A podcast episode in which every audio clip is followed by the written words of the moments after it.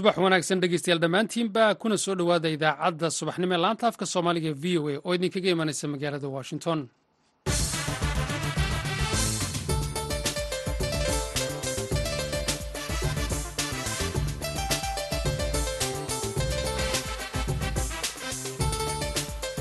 waa subax talaadaha bisha janawari waa koob iyo soddon sannadka laba kun iyo saddex iyo labaatanka waxaanaad naga dhegaysanaysaan mawjadaha gaaggaaban ee lix iyo tobanka iyo sagaal iyo tobanka mitirban iyo bogga v o a somaali dot com. Saacadda afrikada bari haatan waa lixdii iyo barhkii aroornimo idaacadda saaka caalamkana waxaa idiin wadaa anigoo ah maxamed cabdi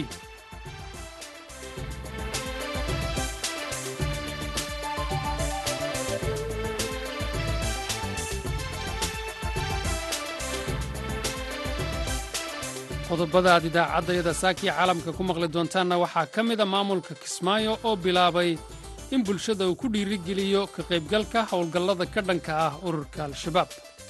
Waxaan jeclahay weliba inaan guddoomiye. Aduu taliyo horena waad ahayda inaad tuutaha xidhatidoo ciidankan urur waa ka badan yahaan hor kacdid sida cali jayte dalkeennana aan xoraysanno cid u maqan ma jirto. Innagaa dad u ah innagaa rag u ah innagaa ilaahay inoogu beeray. Waxaan rabnaa inaan xoraysanno waxaad sidoo kale dhegaysan doontaa ra'iisul wasaaraha dalka denmark oo booqasho ku tagtay dalka yukrain una ballan qaaday gantaallo uu faransiisku farsameeyo. Somalilan oo waddo ololo lagu badbaadinayo deegaanka iyo duurjoogta. Qodobadaasi iyo kuwo kale ayaad maqli doontaan marka horese warkii caalamka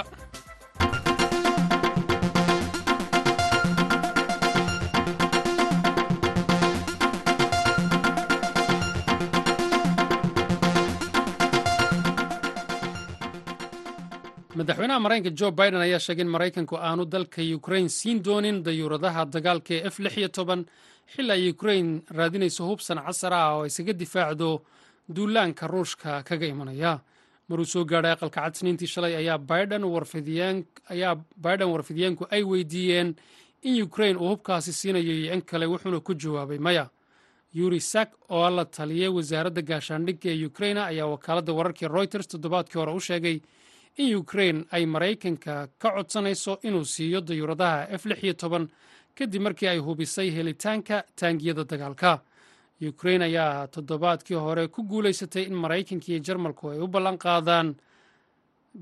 Adhaadee dabaabado ay dalkaasi u dirayaan kadib markii jarmalku uu muddo toddobaadyaa ka meermeerayey inuu diro taangiyadiisa leobard labo sarkaal sare u hadlay dowladda iiraan ayaa sheegay in dalalka iiraan iyo ruushku ay isku xidheen hannaanka isgaadhsiinta ee bangiyadooda iyo nidaamka kala wareejinta lacagaha si arrintaasi ay gacan uga geysato koruqaadista ganacsiga iyo macaamilka maaliyadeed.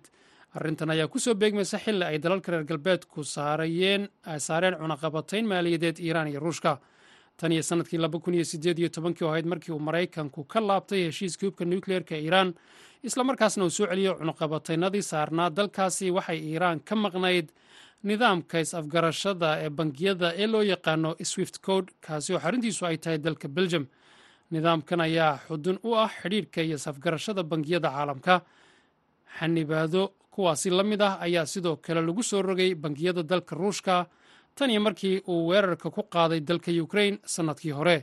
Guddoomiye ku-xigeenka bangiga dhexe iiraan muxsen kariimi ayaa sheegay inaanay bangiyada iiraan u baahnayn nidaamka is-afgarashada bangiyada ee swift marka ay xidhiidhka maaliyad isdhaafsanayaan bangiyada dalka ruushka ku yaalla warkii caalamku waa naga intaas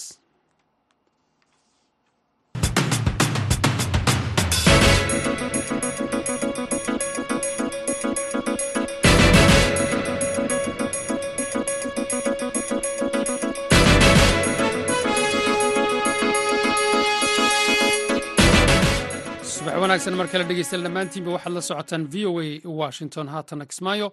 Tan iyo markii ciidamada jubbaland ay u dhaqaaqeen dhulka hawdka ee galbeedka kismaayo ayaa waxaa magaalada ka bilowday olole bulshada lagu wacyigelinayo inay ka qayb qaataan howlgallada lagaga soo horjeedo ururka al-shabaab.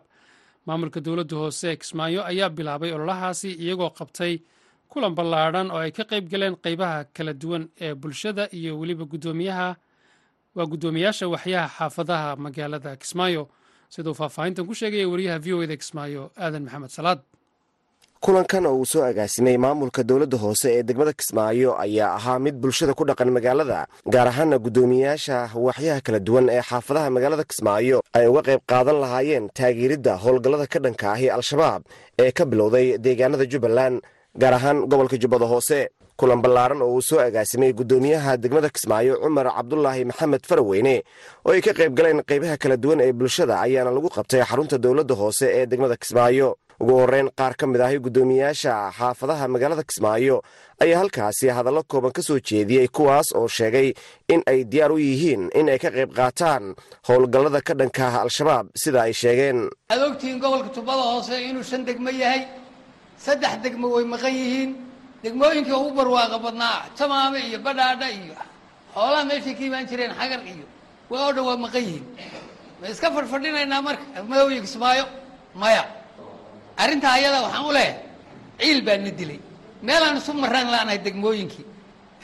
Meel laysu maro haddaad afmadooga xoro meelay marto waa go'doon.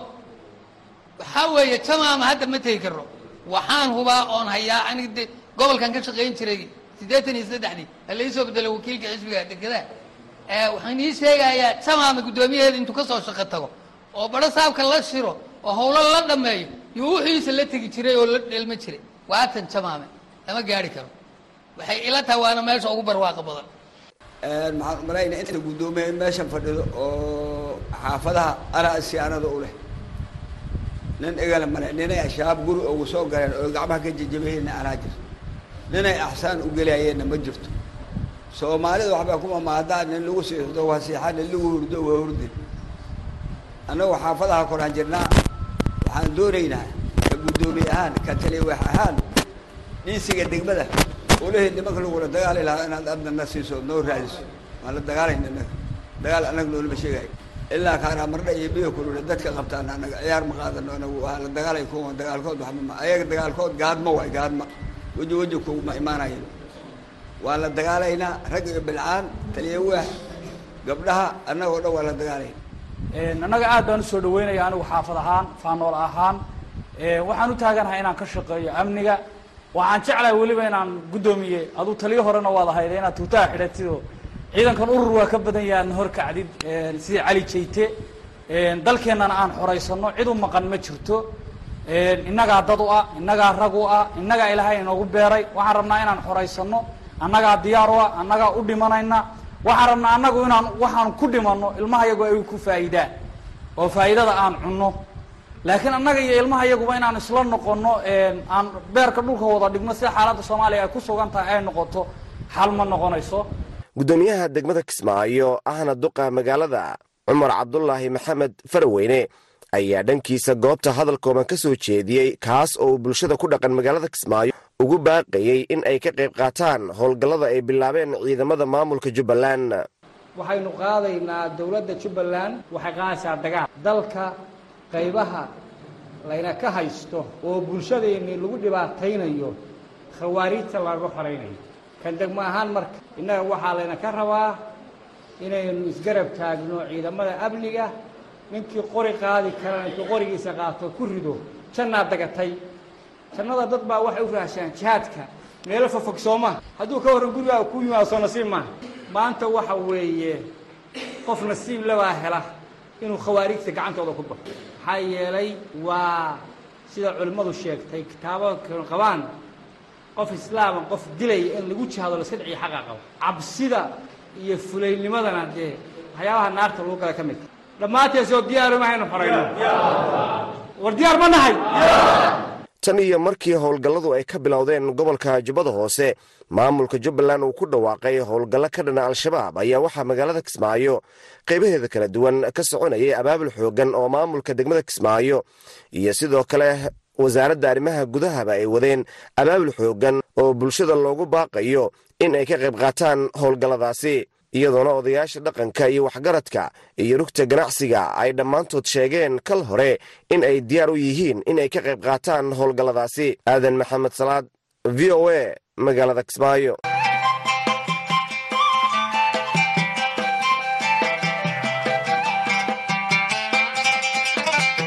Subax wanaagsan mar kale dhegeystaan dhammaantiinba weli waxaad la socotaan v o a washington madaxweynaha ukrain valadimir selniski iyo ra'iisul wasaaraha dalka denmark met frederiksen ayaa gelinkii dambe ee shalay ku kulmay magaalada michaeleve ee ku taalla koonfurta dalka ukrain denmark ayaa horey u sheegtay inay caawin doonto ukrain kuna caawin doonto sagaal iyo toban gantaalada uu sameeyo dalka faransiisku. Haddaba ridwaan xaaji cabdiweli wariyaha v o eda qaaradda yurub ee dhinacaasi yurub nooga soo warramaya khadka telefoonka ee magaalada copenhagen kula xiriiray wariye maxamed amiin oo ka tirsan idaacadda hormood uguna ugu horreynna weydiiyey inuu sharaxaad ka bixiyo booqashada ay ukrain ku tagtay haweeneyda ra'iisul wasaaraha ka ah dalka denmark. Aad baad mahadsan tahay ridwan booqashadan waxa weeyaan booqasho markii hore la sii qorsheeyey oo ku saabsan booqashada inta badan madaxda ama madaxweyneyaasha dalka yurubta ay sameeyaan ay ku booqdaan dalka ukrain marka booqashadani waxa ay daba socotay codsi ka yimid dalka ukrain oo ku saabsanaa inay dalka denmark ka caawiso in ukrain dhinaca taageerada military iyo weliba tan caafimaad. Waa gartay laakiin marka laga hadlayo mowqifka denmark ee dagaalka ruushka hadda ma cad yahay. Inta badan waxaa lagu yaqaanay dalkaas inuu gacan ka geysanayo arrimaha bani aadantinimada intii dagaaladu ay socdeen marka waxaa hadda uu ku soo biirayaa xulfada reer galbeedka ee doonaysa inay hubka ku caawiyaan ukraine. Haa denmark waxa ay ka mid ahayd tan iyo maalintu dagaalku bilaabmay dalalkii sida tooska ah ula saftay dhan walba dhinaca ukraine. Haddii ay tahay taakulayntii dadka qaxoontiga ahaa in laga soo qaado xuduudaha iyo imakana dhinaca militariga marka arrintan ku saabsan iyo weliba cunaqabatayntii lagu soo rogay dalka ukraine oo shirkado badan oo denmark ah iyaguna ahayn kuwii cunaqabataynta ka qayb qaatay ee ka soo baxay dalkaasi. Marka arrintan waxay daba socotay dhinaca taakulada militariga denmark ba waxay codsatay ama ay ka dalbatay dalka faransiiska kuba casri ah oo ah kan ugu casrisan roketyadan meesha fog wax ka dila marka hubkaas ah kan dunida hadda ugu casrisan oo lacag fara badan oo ilaa saddex boqol oo milyan oo koroon ah ay ku dalbatay denmark. Ayaa intii aanaba soo gaadhin dalka waxaa la soo xidhiiday ra'iisul wasaaraha iyo wasiirka arrimaha dibadda. Safiirka dalka ukraine u fadhiya copenhagen oo ka codsaday in hubkaas denmark u soo socdo loo leexiyo dhanka ukraine. Waa gartay. Marka waa hub nooce ah hubkaasi? Ma hub casri ah oo gantaalaha? Waxa weeyaan gantaalaha la odhan kara kuwa hadda dunida ugu casrisan qiime aad u badanna denmark ay ku soo iibsatay oo marka ay ku hamiyeysay si markaasi ay u noqoto dalalka hubka ugu casrisan ee naato haysta iyadoo markaa denmark hubkaa lacag fara badan ka bixisay oo aad u sugaysa oo ma garanaysa ayaa safiirka ukraine isagu meeluu ka soo ogaaday mooyaane uu soo ogaaday kadibna wuxuu yihi hubkaa maanta annaka u qabna ee hana loogu deeqo. Marka waa hub aad u casriya lacag aad u tiro badan oo ah saddex boqol oo milyan oo koron baana denmark ka bixisay oo u dhigma ilaa iyo saddex iyo afartan milyan oo dollar meelahaas waa gartay denmark waxa ay si weyn u soo dhoweynaysay qaxootigii ukraine. Marka xaaladda qaxootiga dadka reer ukraine ee ku sugan dalka denmark waa sidee hadda? Hadda maalinba maalinta ka sii dambeysa way sii wanaagsanaanaysaa. Dadkoodii yimid dalka waa la sii qabsanayaan. Guryaa la siiyey shaqooyin baa loogu tabarucay kuwii iskuul raha iskuul baa la geeyey carruurtoodii xanaanooyinkaa la geeyey lacag baa loo qoray oo la siiyey. Marka waxa u mucjisa iyagoo aad u tiro badan oo dad badan dalkii hadda laga garan maayo waa dadkiiba u eg yihiin. Laakiinse qaxoonti aad u tiro badan baa yimid. Oo dalka magaalo walba yimid oo odhan karan kuwii ugu badnaa. Adugu malaha muddadii labaatankii sane ugu dambeysay qaxoontiga yimaada. Marka si wanaagsan oo walaaltinimo ah oo inay dalkooda yimaadeen oo kale baa loo soo dhaweeyey runtii kaasi wuxuu ahaa weriye maxamed amiin oo ka howlgala dalkaasi denmark. Waxaa warramaya wariyaha v o eda ee qaaradda yurub ridwaan xaaji cabdiweli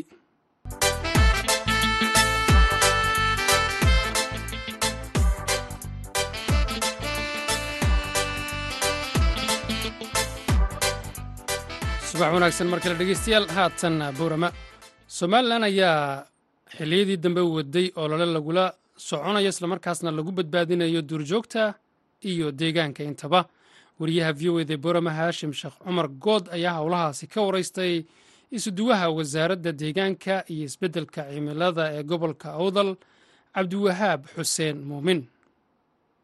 Magacaygu waxa weeyaan injineer cabdiwahaab xuseen muumin ahna isuduwaha wasaaradda deegaanka iyo isbeddelka cimilada gobolka awdal. Baryahanba haashimow sidaan la socotaan miidiyaha waxaan ku guda jirnay xeebaha ayaan soo maraynay annagoo u ku wargelaynay xaaladda isbeddelka cimilada ay ku yeelatay sagal dabadeed ilaalinta duurjoogta iyo duruufaha ay ku sugan tahay. Ama dhinac biyaha ha ahaato ma dhinaca baadka iyo dhulka magaaloobaya ha noqoto ama isma ama ka ganacsi sharci darro ha noqoto amaba in la dilo oo la cuno ha noqotee runtii kiisaskaan ku soo marnay ee soo aragnay ugu muhiimsan waxaa ka mid ahaa ilaa libaaxley baan soo marnay saad arkayseen marka waxaa jirtaa dadkii beeralayda dad shaqaala ah noo ah khaasatan qolo duuba la yidhaahdo oo inooga yimiday dhinaca maxay ahayd koonfurta etoobiya moodaynba duurjoogta inay cidi leedahay oo habeenkii intay toosh ku qabtaan deedna wayna ugaadhsanayaan taas iyada waxaan uga kala hadalnay kule laamaha amniga dhulka aan soo marnay een ku aragnay waxaa ka mid ahayd meel daracasa la yidhaahdo. In habeenkii garanuugtu markay iminka beertiibay ka yar taabanaysaa. Ama ay daaqaysaa xilliyada abaaraha. Runtii waxaa dhacaysa inuu ninkii habeen dambe uu qori u soo qaato toogto. Qolada beeralaydana waxaan leenahay. Ugaadho waxay ka mid tahay xoolaha. Waar qaybtaa duurjoogtii waxay ka mid tahay hantida qaranku leeyahay. Waxay ka mid tahay bilicda wadanka waxay ka mid tahay khayraadka dalka waxay ka mid tahay dalxiiska dalka waxay ka mid tahay waa asad uu qaranku leeyahay runtii. Waxaan leenahay markaa hal wasaaradii ma ilaalin karto aynu wada ilaalino dadka qaarkii ayaa waxaa la sheegayaa in ay ugaadhsanayaan duurjoogta la yidhaahdo harimacadka taas maxay idinka qabataan? Runtii haashim waad mahadsan tahay waa run. Maxay ahayde harimacadka waxaa ka mid yahay nuuc ka mida maxay duurjoogta waana nuuca loogu jecel yahay amaba laga ganacsado. Waa xuduudaha dhexdeeda ayuu ugu badan yahay. Labada dowlad deegaanka iyo saad sheegtay gobolka nawdale xuduudiisu aada u dheertahay ilaa ilaa xariirad. Marka runtii wasaarad ahaan annagu waan ka wada shaqaynaa runtii waanan de waxaan aada uga wada shaqaynaa dowlad deegaanka shirar baa jira. Runtii waxaan hay'adda iyaduna waxaa dadaal badan ku bixisay oo dhinac waxweyn nala qabatay wacyigelinta xuduudaha labada dhan hay'adda c c f gt conservation fund oo runtii xil weyn iska saarto harimacadkon ka shaqaysa. Runtii iminka waxaa ku jiray shirar aan ku galnay jigjiga berdhaweyd laba bilood ka hor. Dadka xoolo dhaqatada ee ku nool meelaha kaymaha dib loogu soo celiyey waxay sheegayaan in harimacadku uu ka cunayo xoolihii. Ma maqasheen idinku ka wasaarad ahaan in harimacadku kuwa adhiileyda uu ka cunayo xoolaha? Runtii toddobaadkan ka horbayba ahayd. Meel aan aada booramada aan kaala hadlayaan aan aada uga dhaweyn aada hanan uga fogeyn. Degmada quljeed degmada tuuleero cusuboo la yidhaahdo geedarayle oo halan ku taalla oo xuduudda saaran weliba ayaa waxaa dhacday inuu laba adhi uu ka cunay. Runtii sawiradii way la wadaageen waa jiraa uu jooga ilaa buurahan silsilada golis si fiican buu ugu dhaqan yahay ilaa libaaxle ilaa iyo xariirad aad buu ugu dhaqan yahay. Ama magtiina sii qaar ku odhanayaan qaarna maxay ku odhanayaan? Dee runtii waxay u arkayaan laba xayawaan oo runtii dee iyagoo is ugaadhsanaya runtii isaguna uu ka sii daraya tiyada labaad waxaa aad iyo aad u fiican inay bulshadii iminka nala fahmayso oo markay aragto ama uu dhibaato ku sameeyo wasaaradda la soo xidhiidhaan. Haddii iminka seerayaasha loo horumariyo oo dhirtandhejin xidhan iyo biyaha iyo wax walba loo badiyo inta badan dhulka haymeedkaasuu iskaga noolaanayaa inuu ugaadhsadaan xayawaanka qaarkood inay ugaadhsadaan way yaraanaysaayu xoolaha cuno runtiina de v o a aad iyo aad baan u salaamaya waa mahadsanti. Kaasi wuxuu ahaa iskuduwaha deegaanka ee gobolka awdal injineer cabdiwahaab oo aanu ka wareysananay xaaladda duurjoogta iyo ilaalinta ugaadha oo muddooyinkan dambe ay soo kordhayso in dadka qaar ay dhibaataynayaan. Ugaadhsina ku haya haashim sheekh cumar good v o a boorama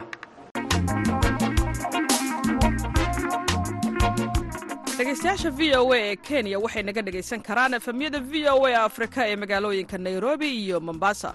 Nairobi waxaad naga heli kartaan efemta boqol iyo toddoba dhibic shan. Mombasana waxaad naga dhegaysan kartaan efemta boqol iyo toddoba dhibic sideed ha moogaan idaacadda v o a kuna xidhnow warka v o a iyo barnaamijyada kala duwan ee idaacadda ka baxa maalin kasta. Ka dhegayso efemyada v o a ee magaalooyinka. Muqdisho hargeysa nairobi mombasa iyo efemyada aan bahwadaagta nahay oo ka howlgala magaalooyinka soomaaliya qaar iyo meelo ka baxsan. Haddii ay ku seegaan macluumaadkeenna ha muugaan bogga aan ku leennahay internetka ee v o a somali com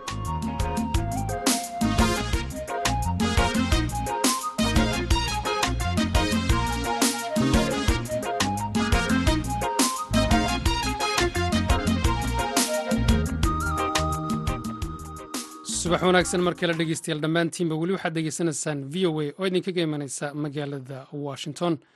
Baraha bulshada sida facebook iyo youtube waxaa ku soo badanaya dhallinyarada soomaaliyeed gaar ahaan gabdhaha oo bilaabay inay ka faa'iidaystaan isticmaalka baraha bulshada ay ku wada xidhiidho iyagoo qaarkood ka sameeya dhaqaale ay noloshooda iyo xirfadooda ku horumariyaan.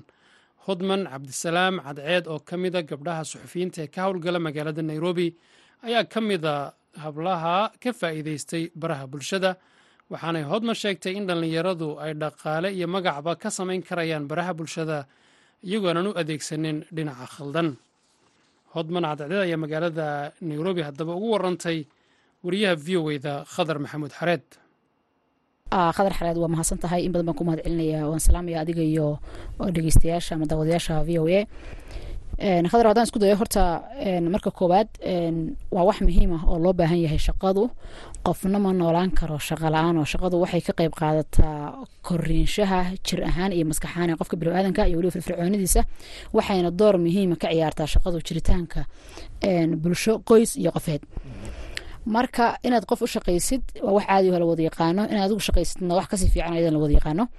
Anigu waxaan ahay mulkiilaha hodman show barnaamijyo ka baxa youtube-ka iyo facebooka kana baxa mareegta facebook iyo maaragta youtube iyo meelo kaloo badan. Baan anigu horta leeyahay.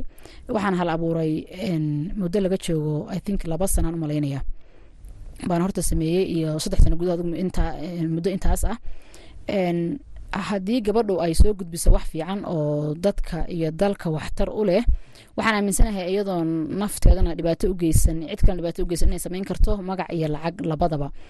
Marka si aad u samayso magacii waa inaad ka dhowrsataa magaca yes maanta waxa ugu fudud la sameeyo waa magac. Laba beri oo aad qof caydo mase laba beri oo aad wax khaldan samaysay dadka dhan kugu baranayaan. Laakiin waxay noqonaysaa damage iyo dhibaato ku soo gaarta noloshaada aan kaa harinin. Marka si aad u samayso magacaas waa inaad magacaasoo nadiifa si aad u samayso waa inaad marka hore aad ka taxadirtaa waxaad samaynayso wax fiican oo bulshada waxtar u leh adnaan dhib kuu keena aad samaysaa. Qofka hadduu magac sameeyo social media laga yaqaano hadda adduunka wax iska fududaadeen oo dee social media lacag baa laga sameeyaa.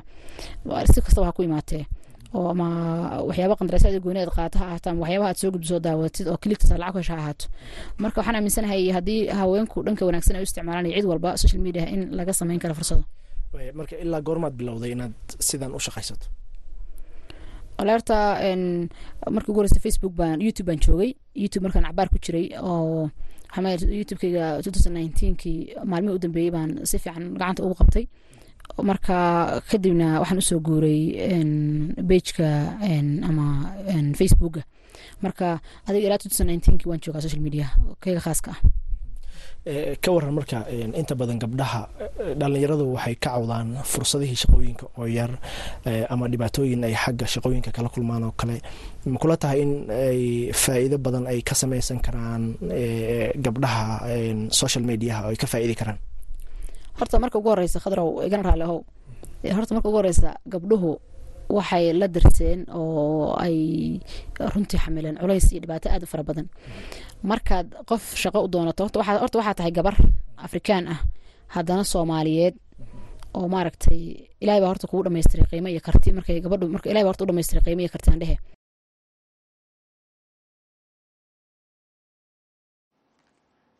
taasi waxay ahayd hodman cadceed oo ka howlgasha magaalada nairobi ahna weriye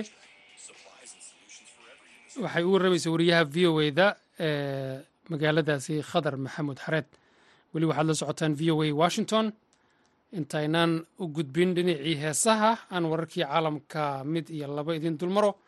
Sarkaal sare oo u hadlay dowladda iiraan ayaa sheegay in dalalka iiraan iyo ruushku ay isku xidhmeen islamarkaasna samaysteen hanaanka isgaadhsiinta ee bangiyadooda iyo nidaamka lagu kala wareejiyo lacagaha.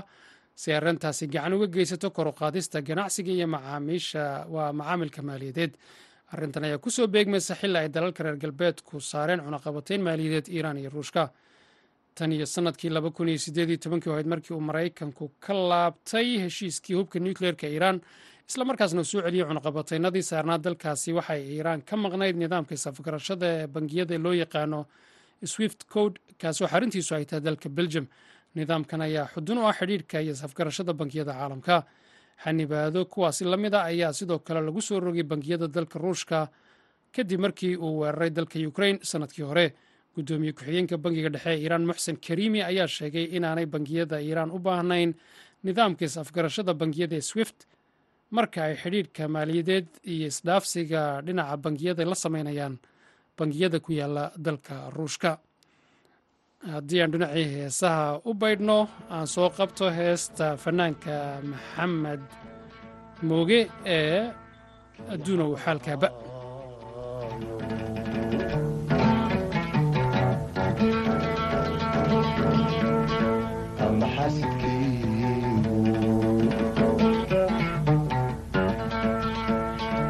علم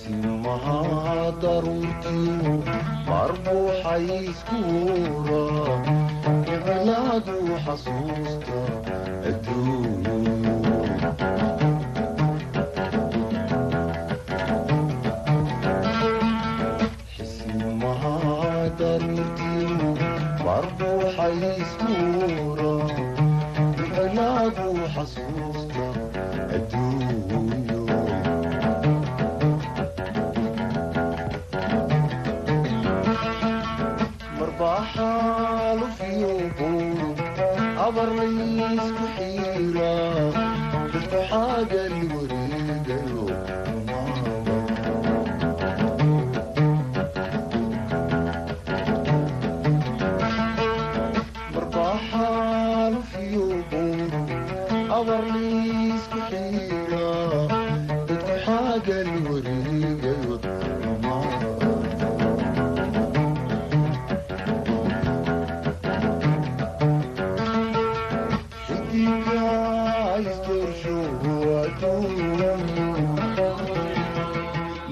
heestaasi adduunyay xaalkaba iyo allah naxariistay fanaanka maxamed mooge ayaan dhegaystayaal ku soo gebagabaynaa idaacaddaydii saakii caalamka anigu waa maxamed cabdi bashiir abikar iyo dhammaan saaxiibada v o a waxaannu daleelnahay sidaas iyo subax wanaagsan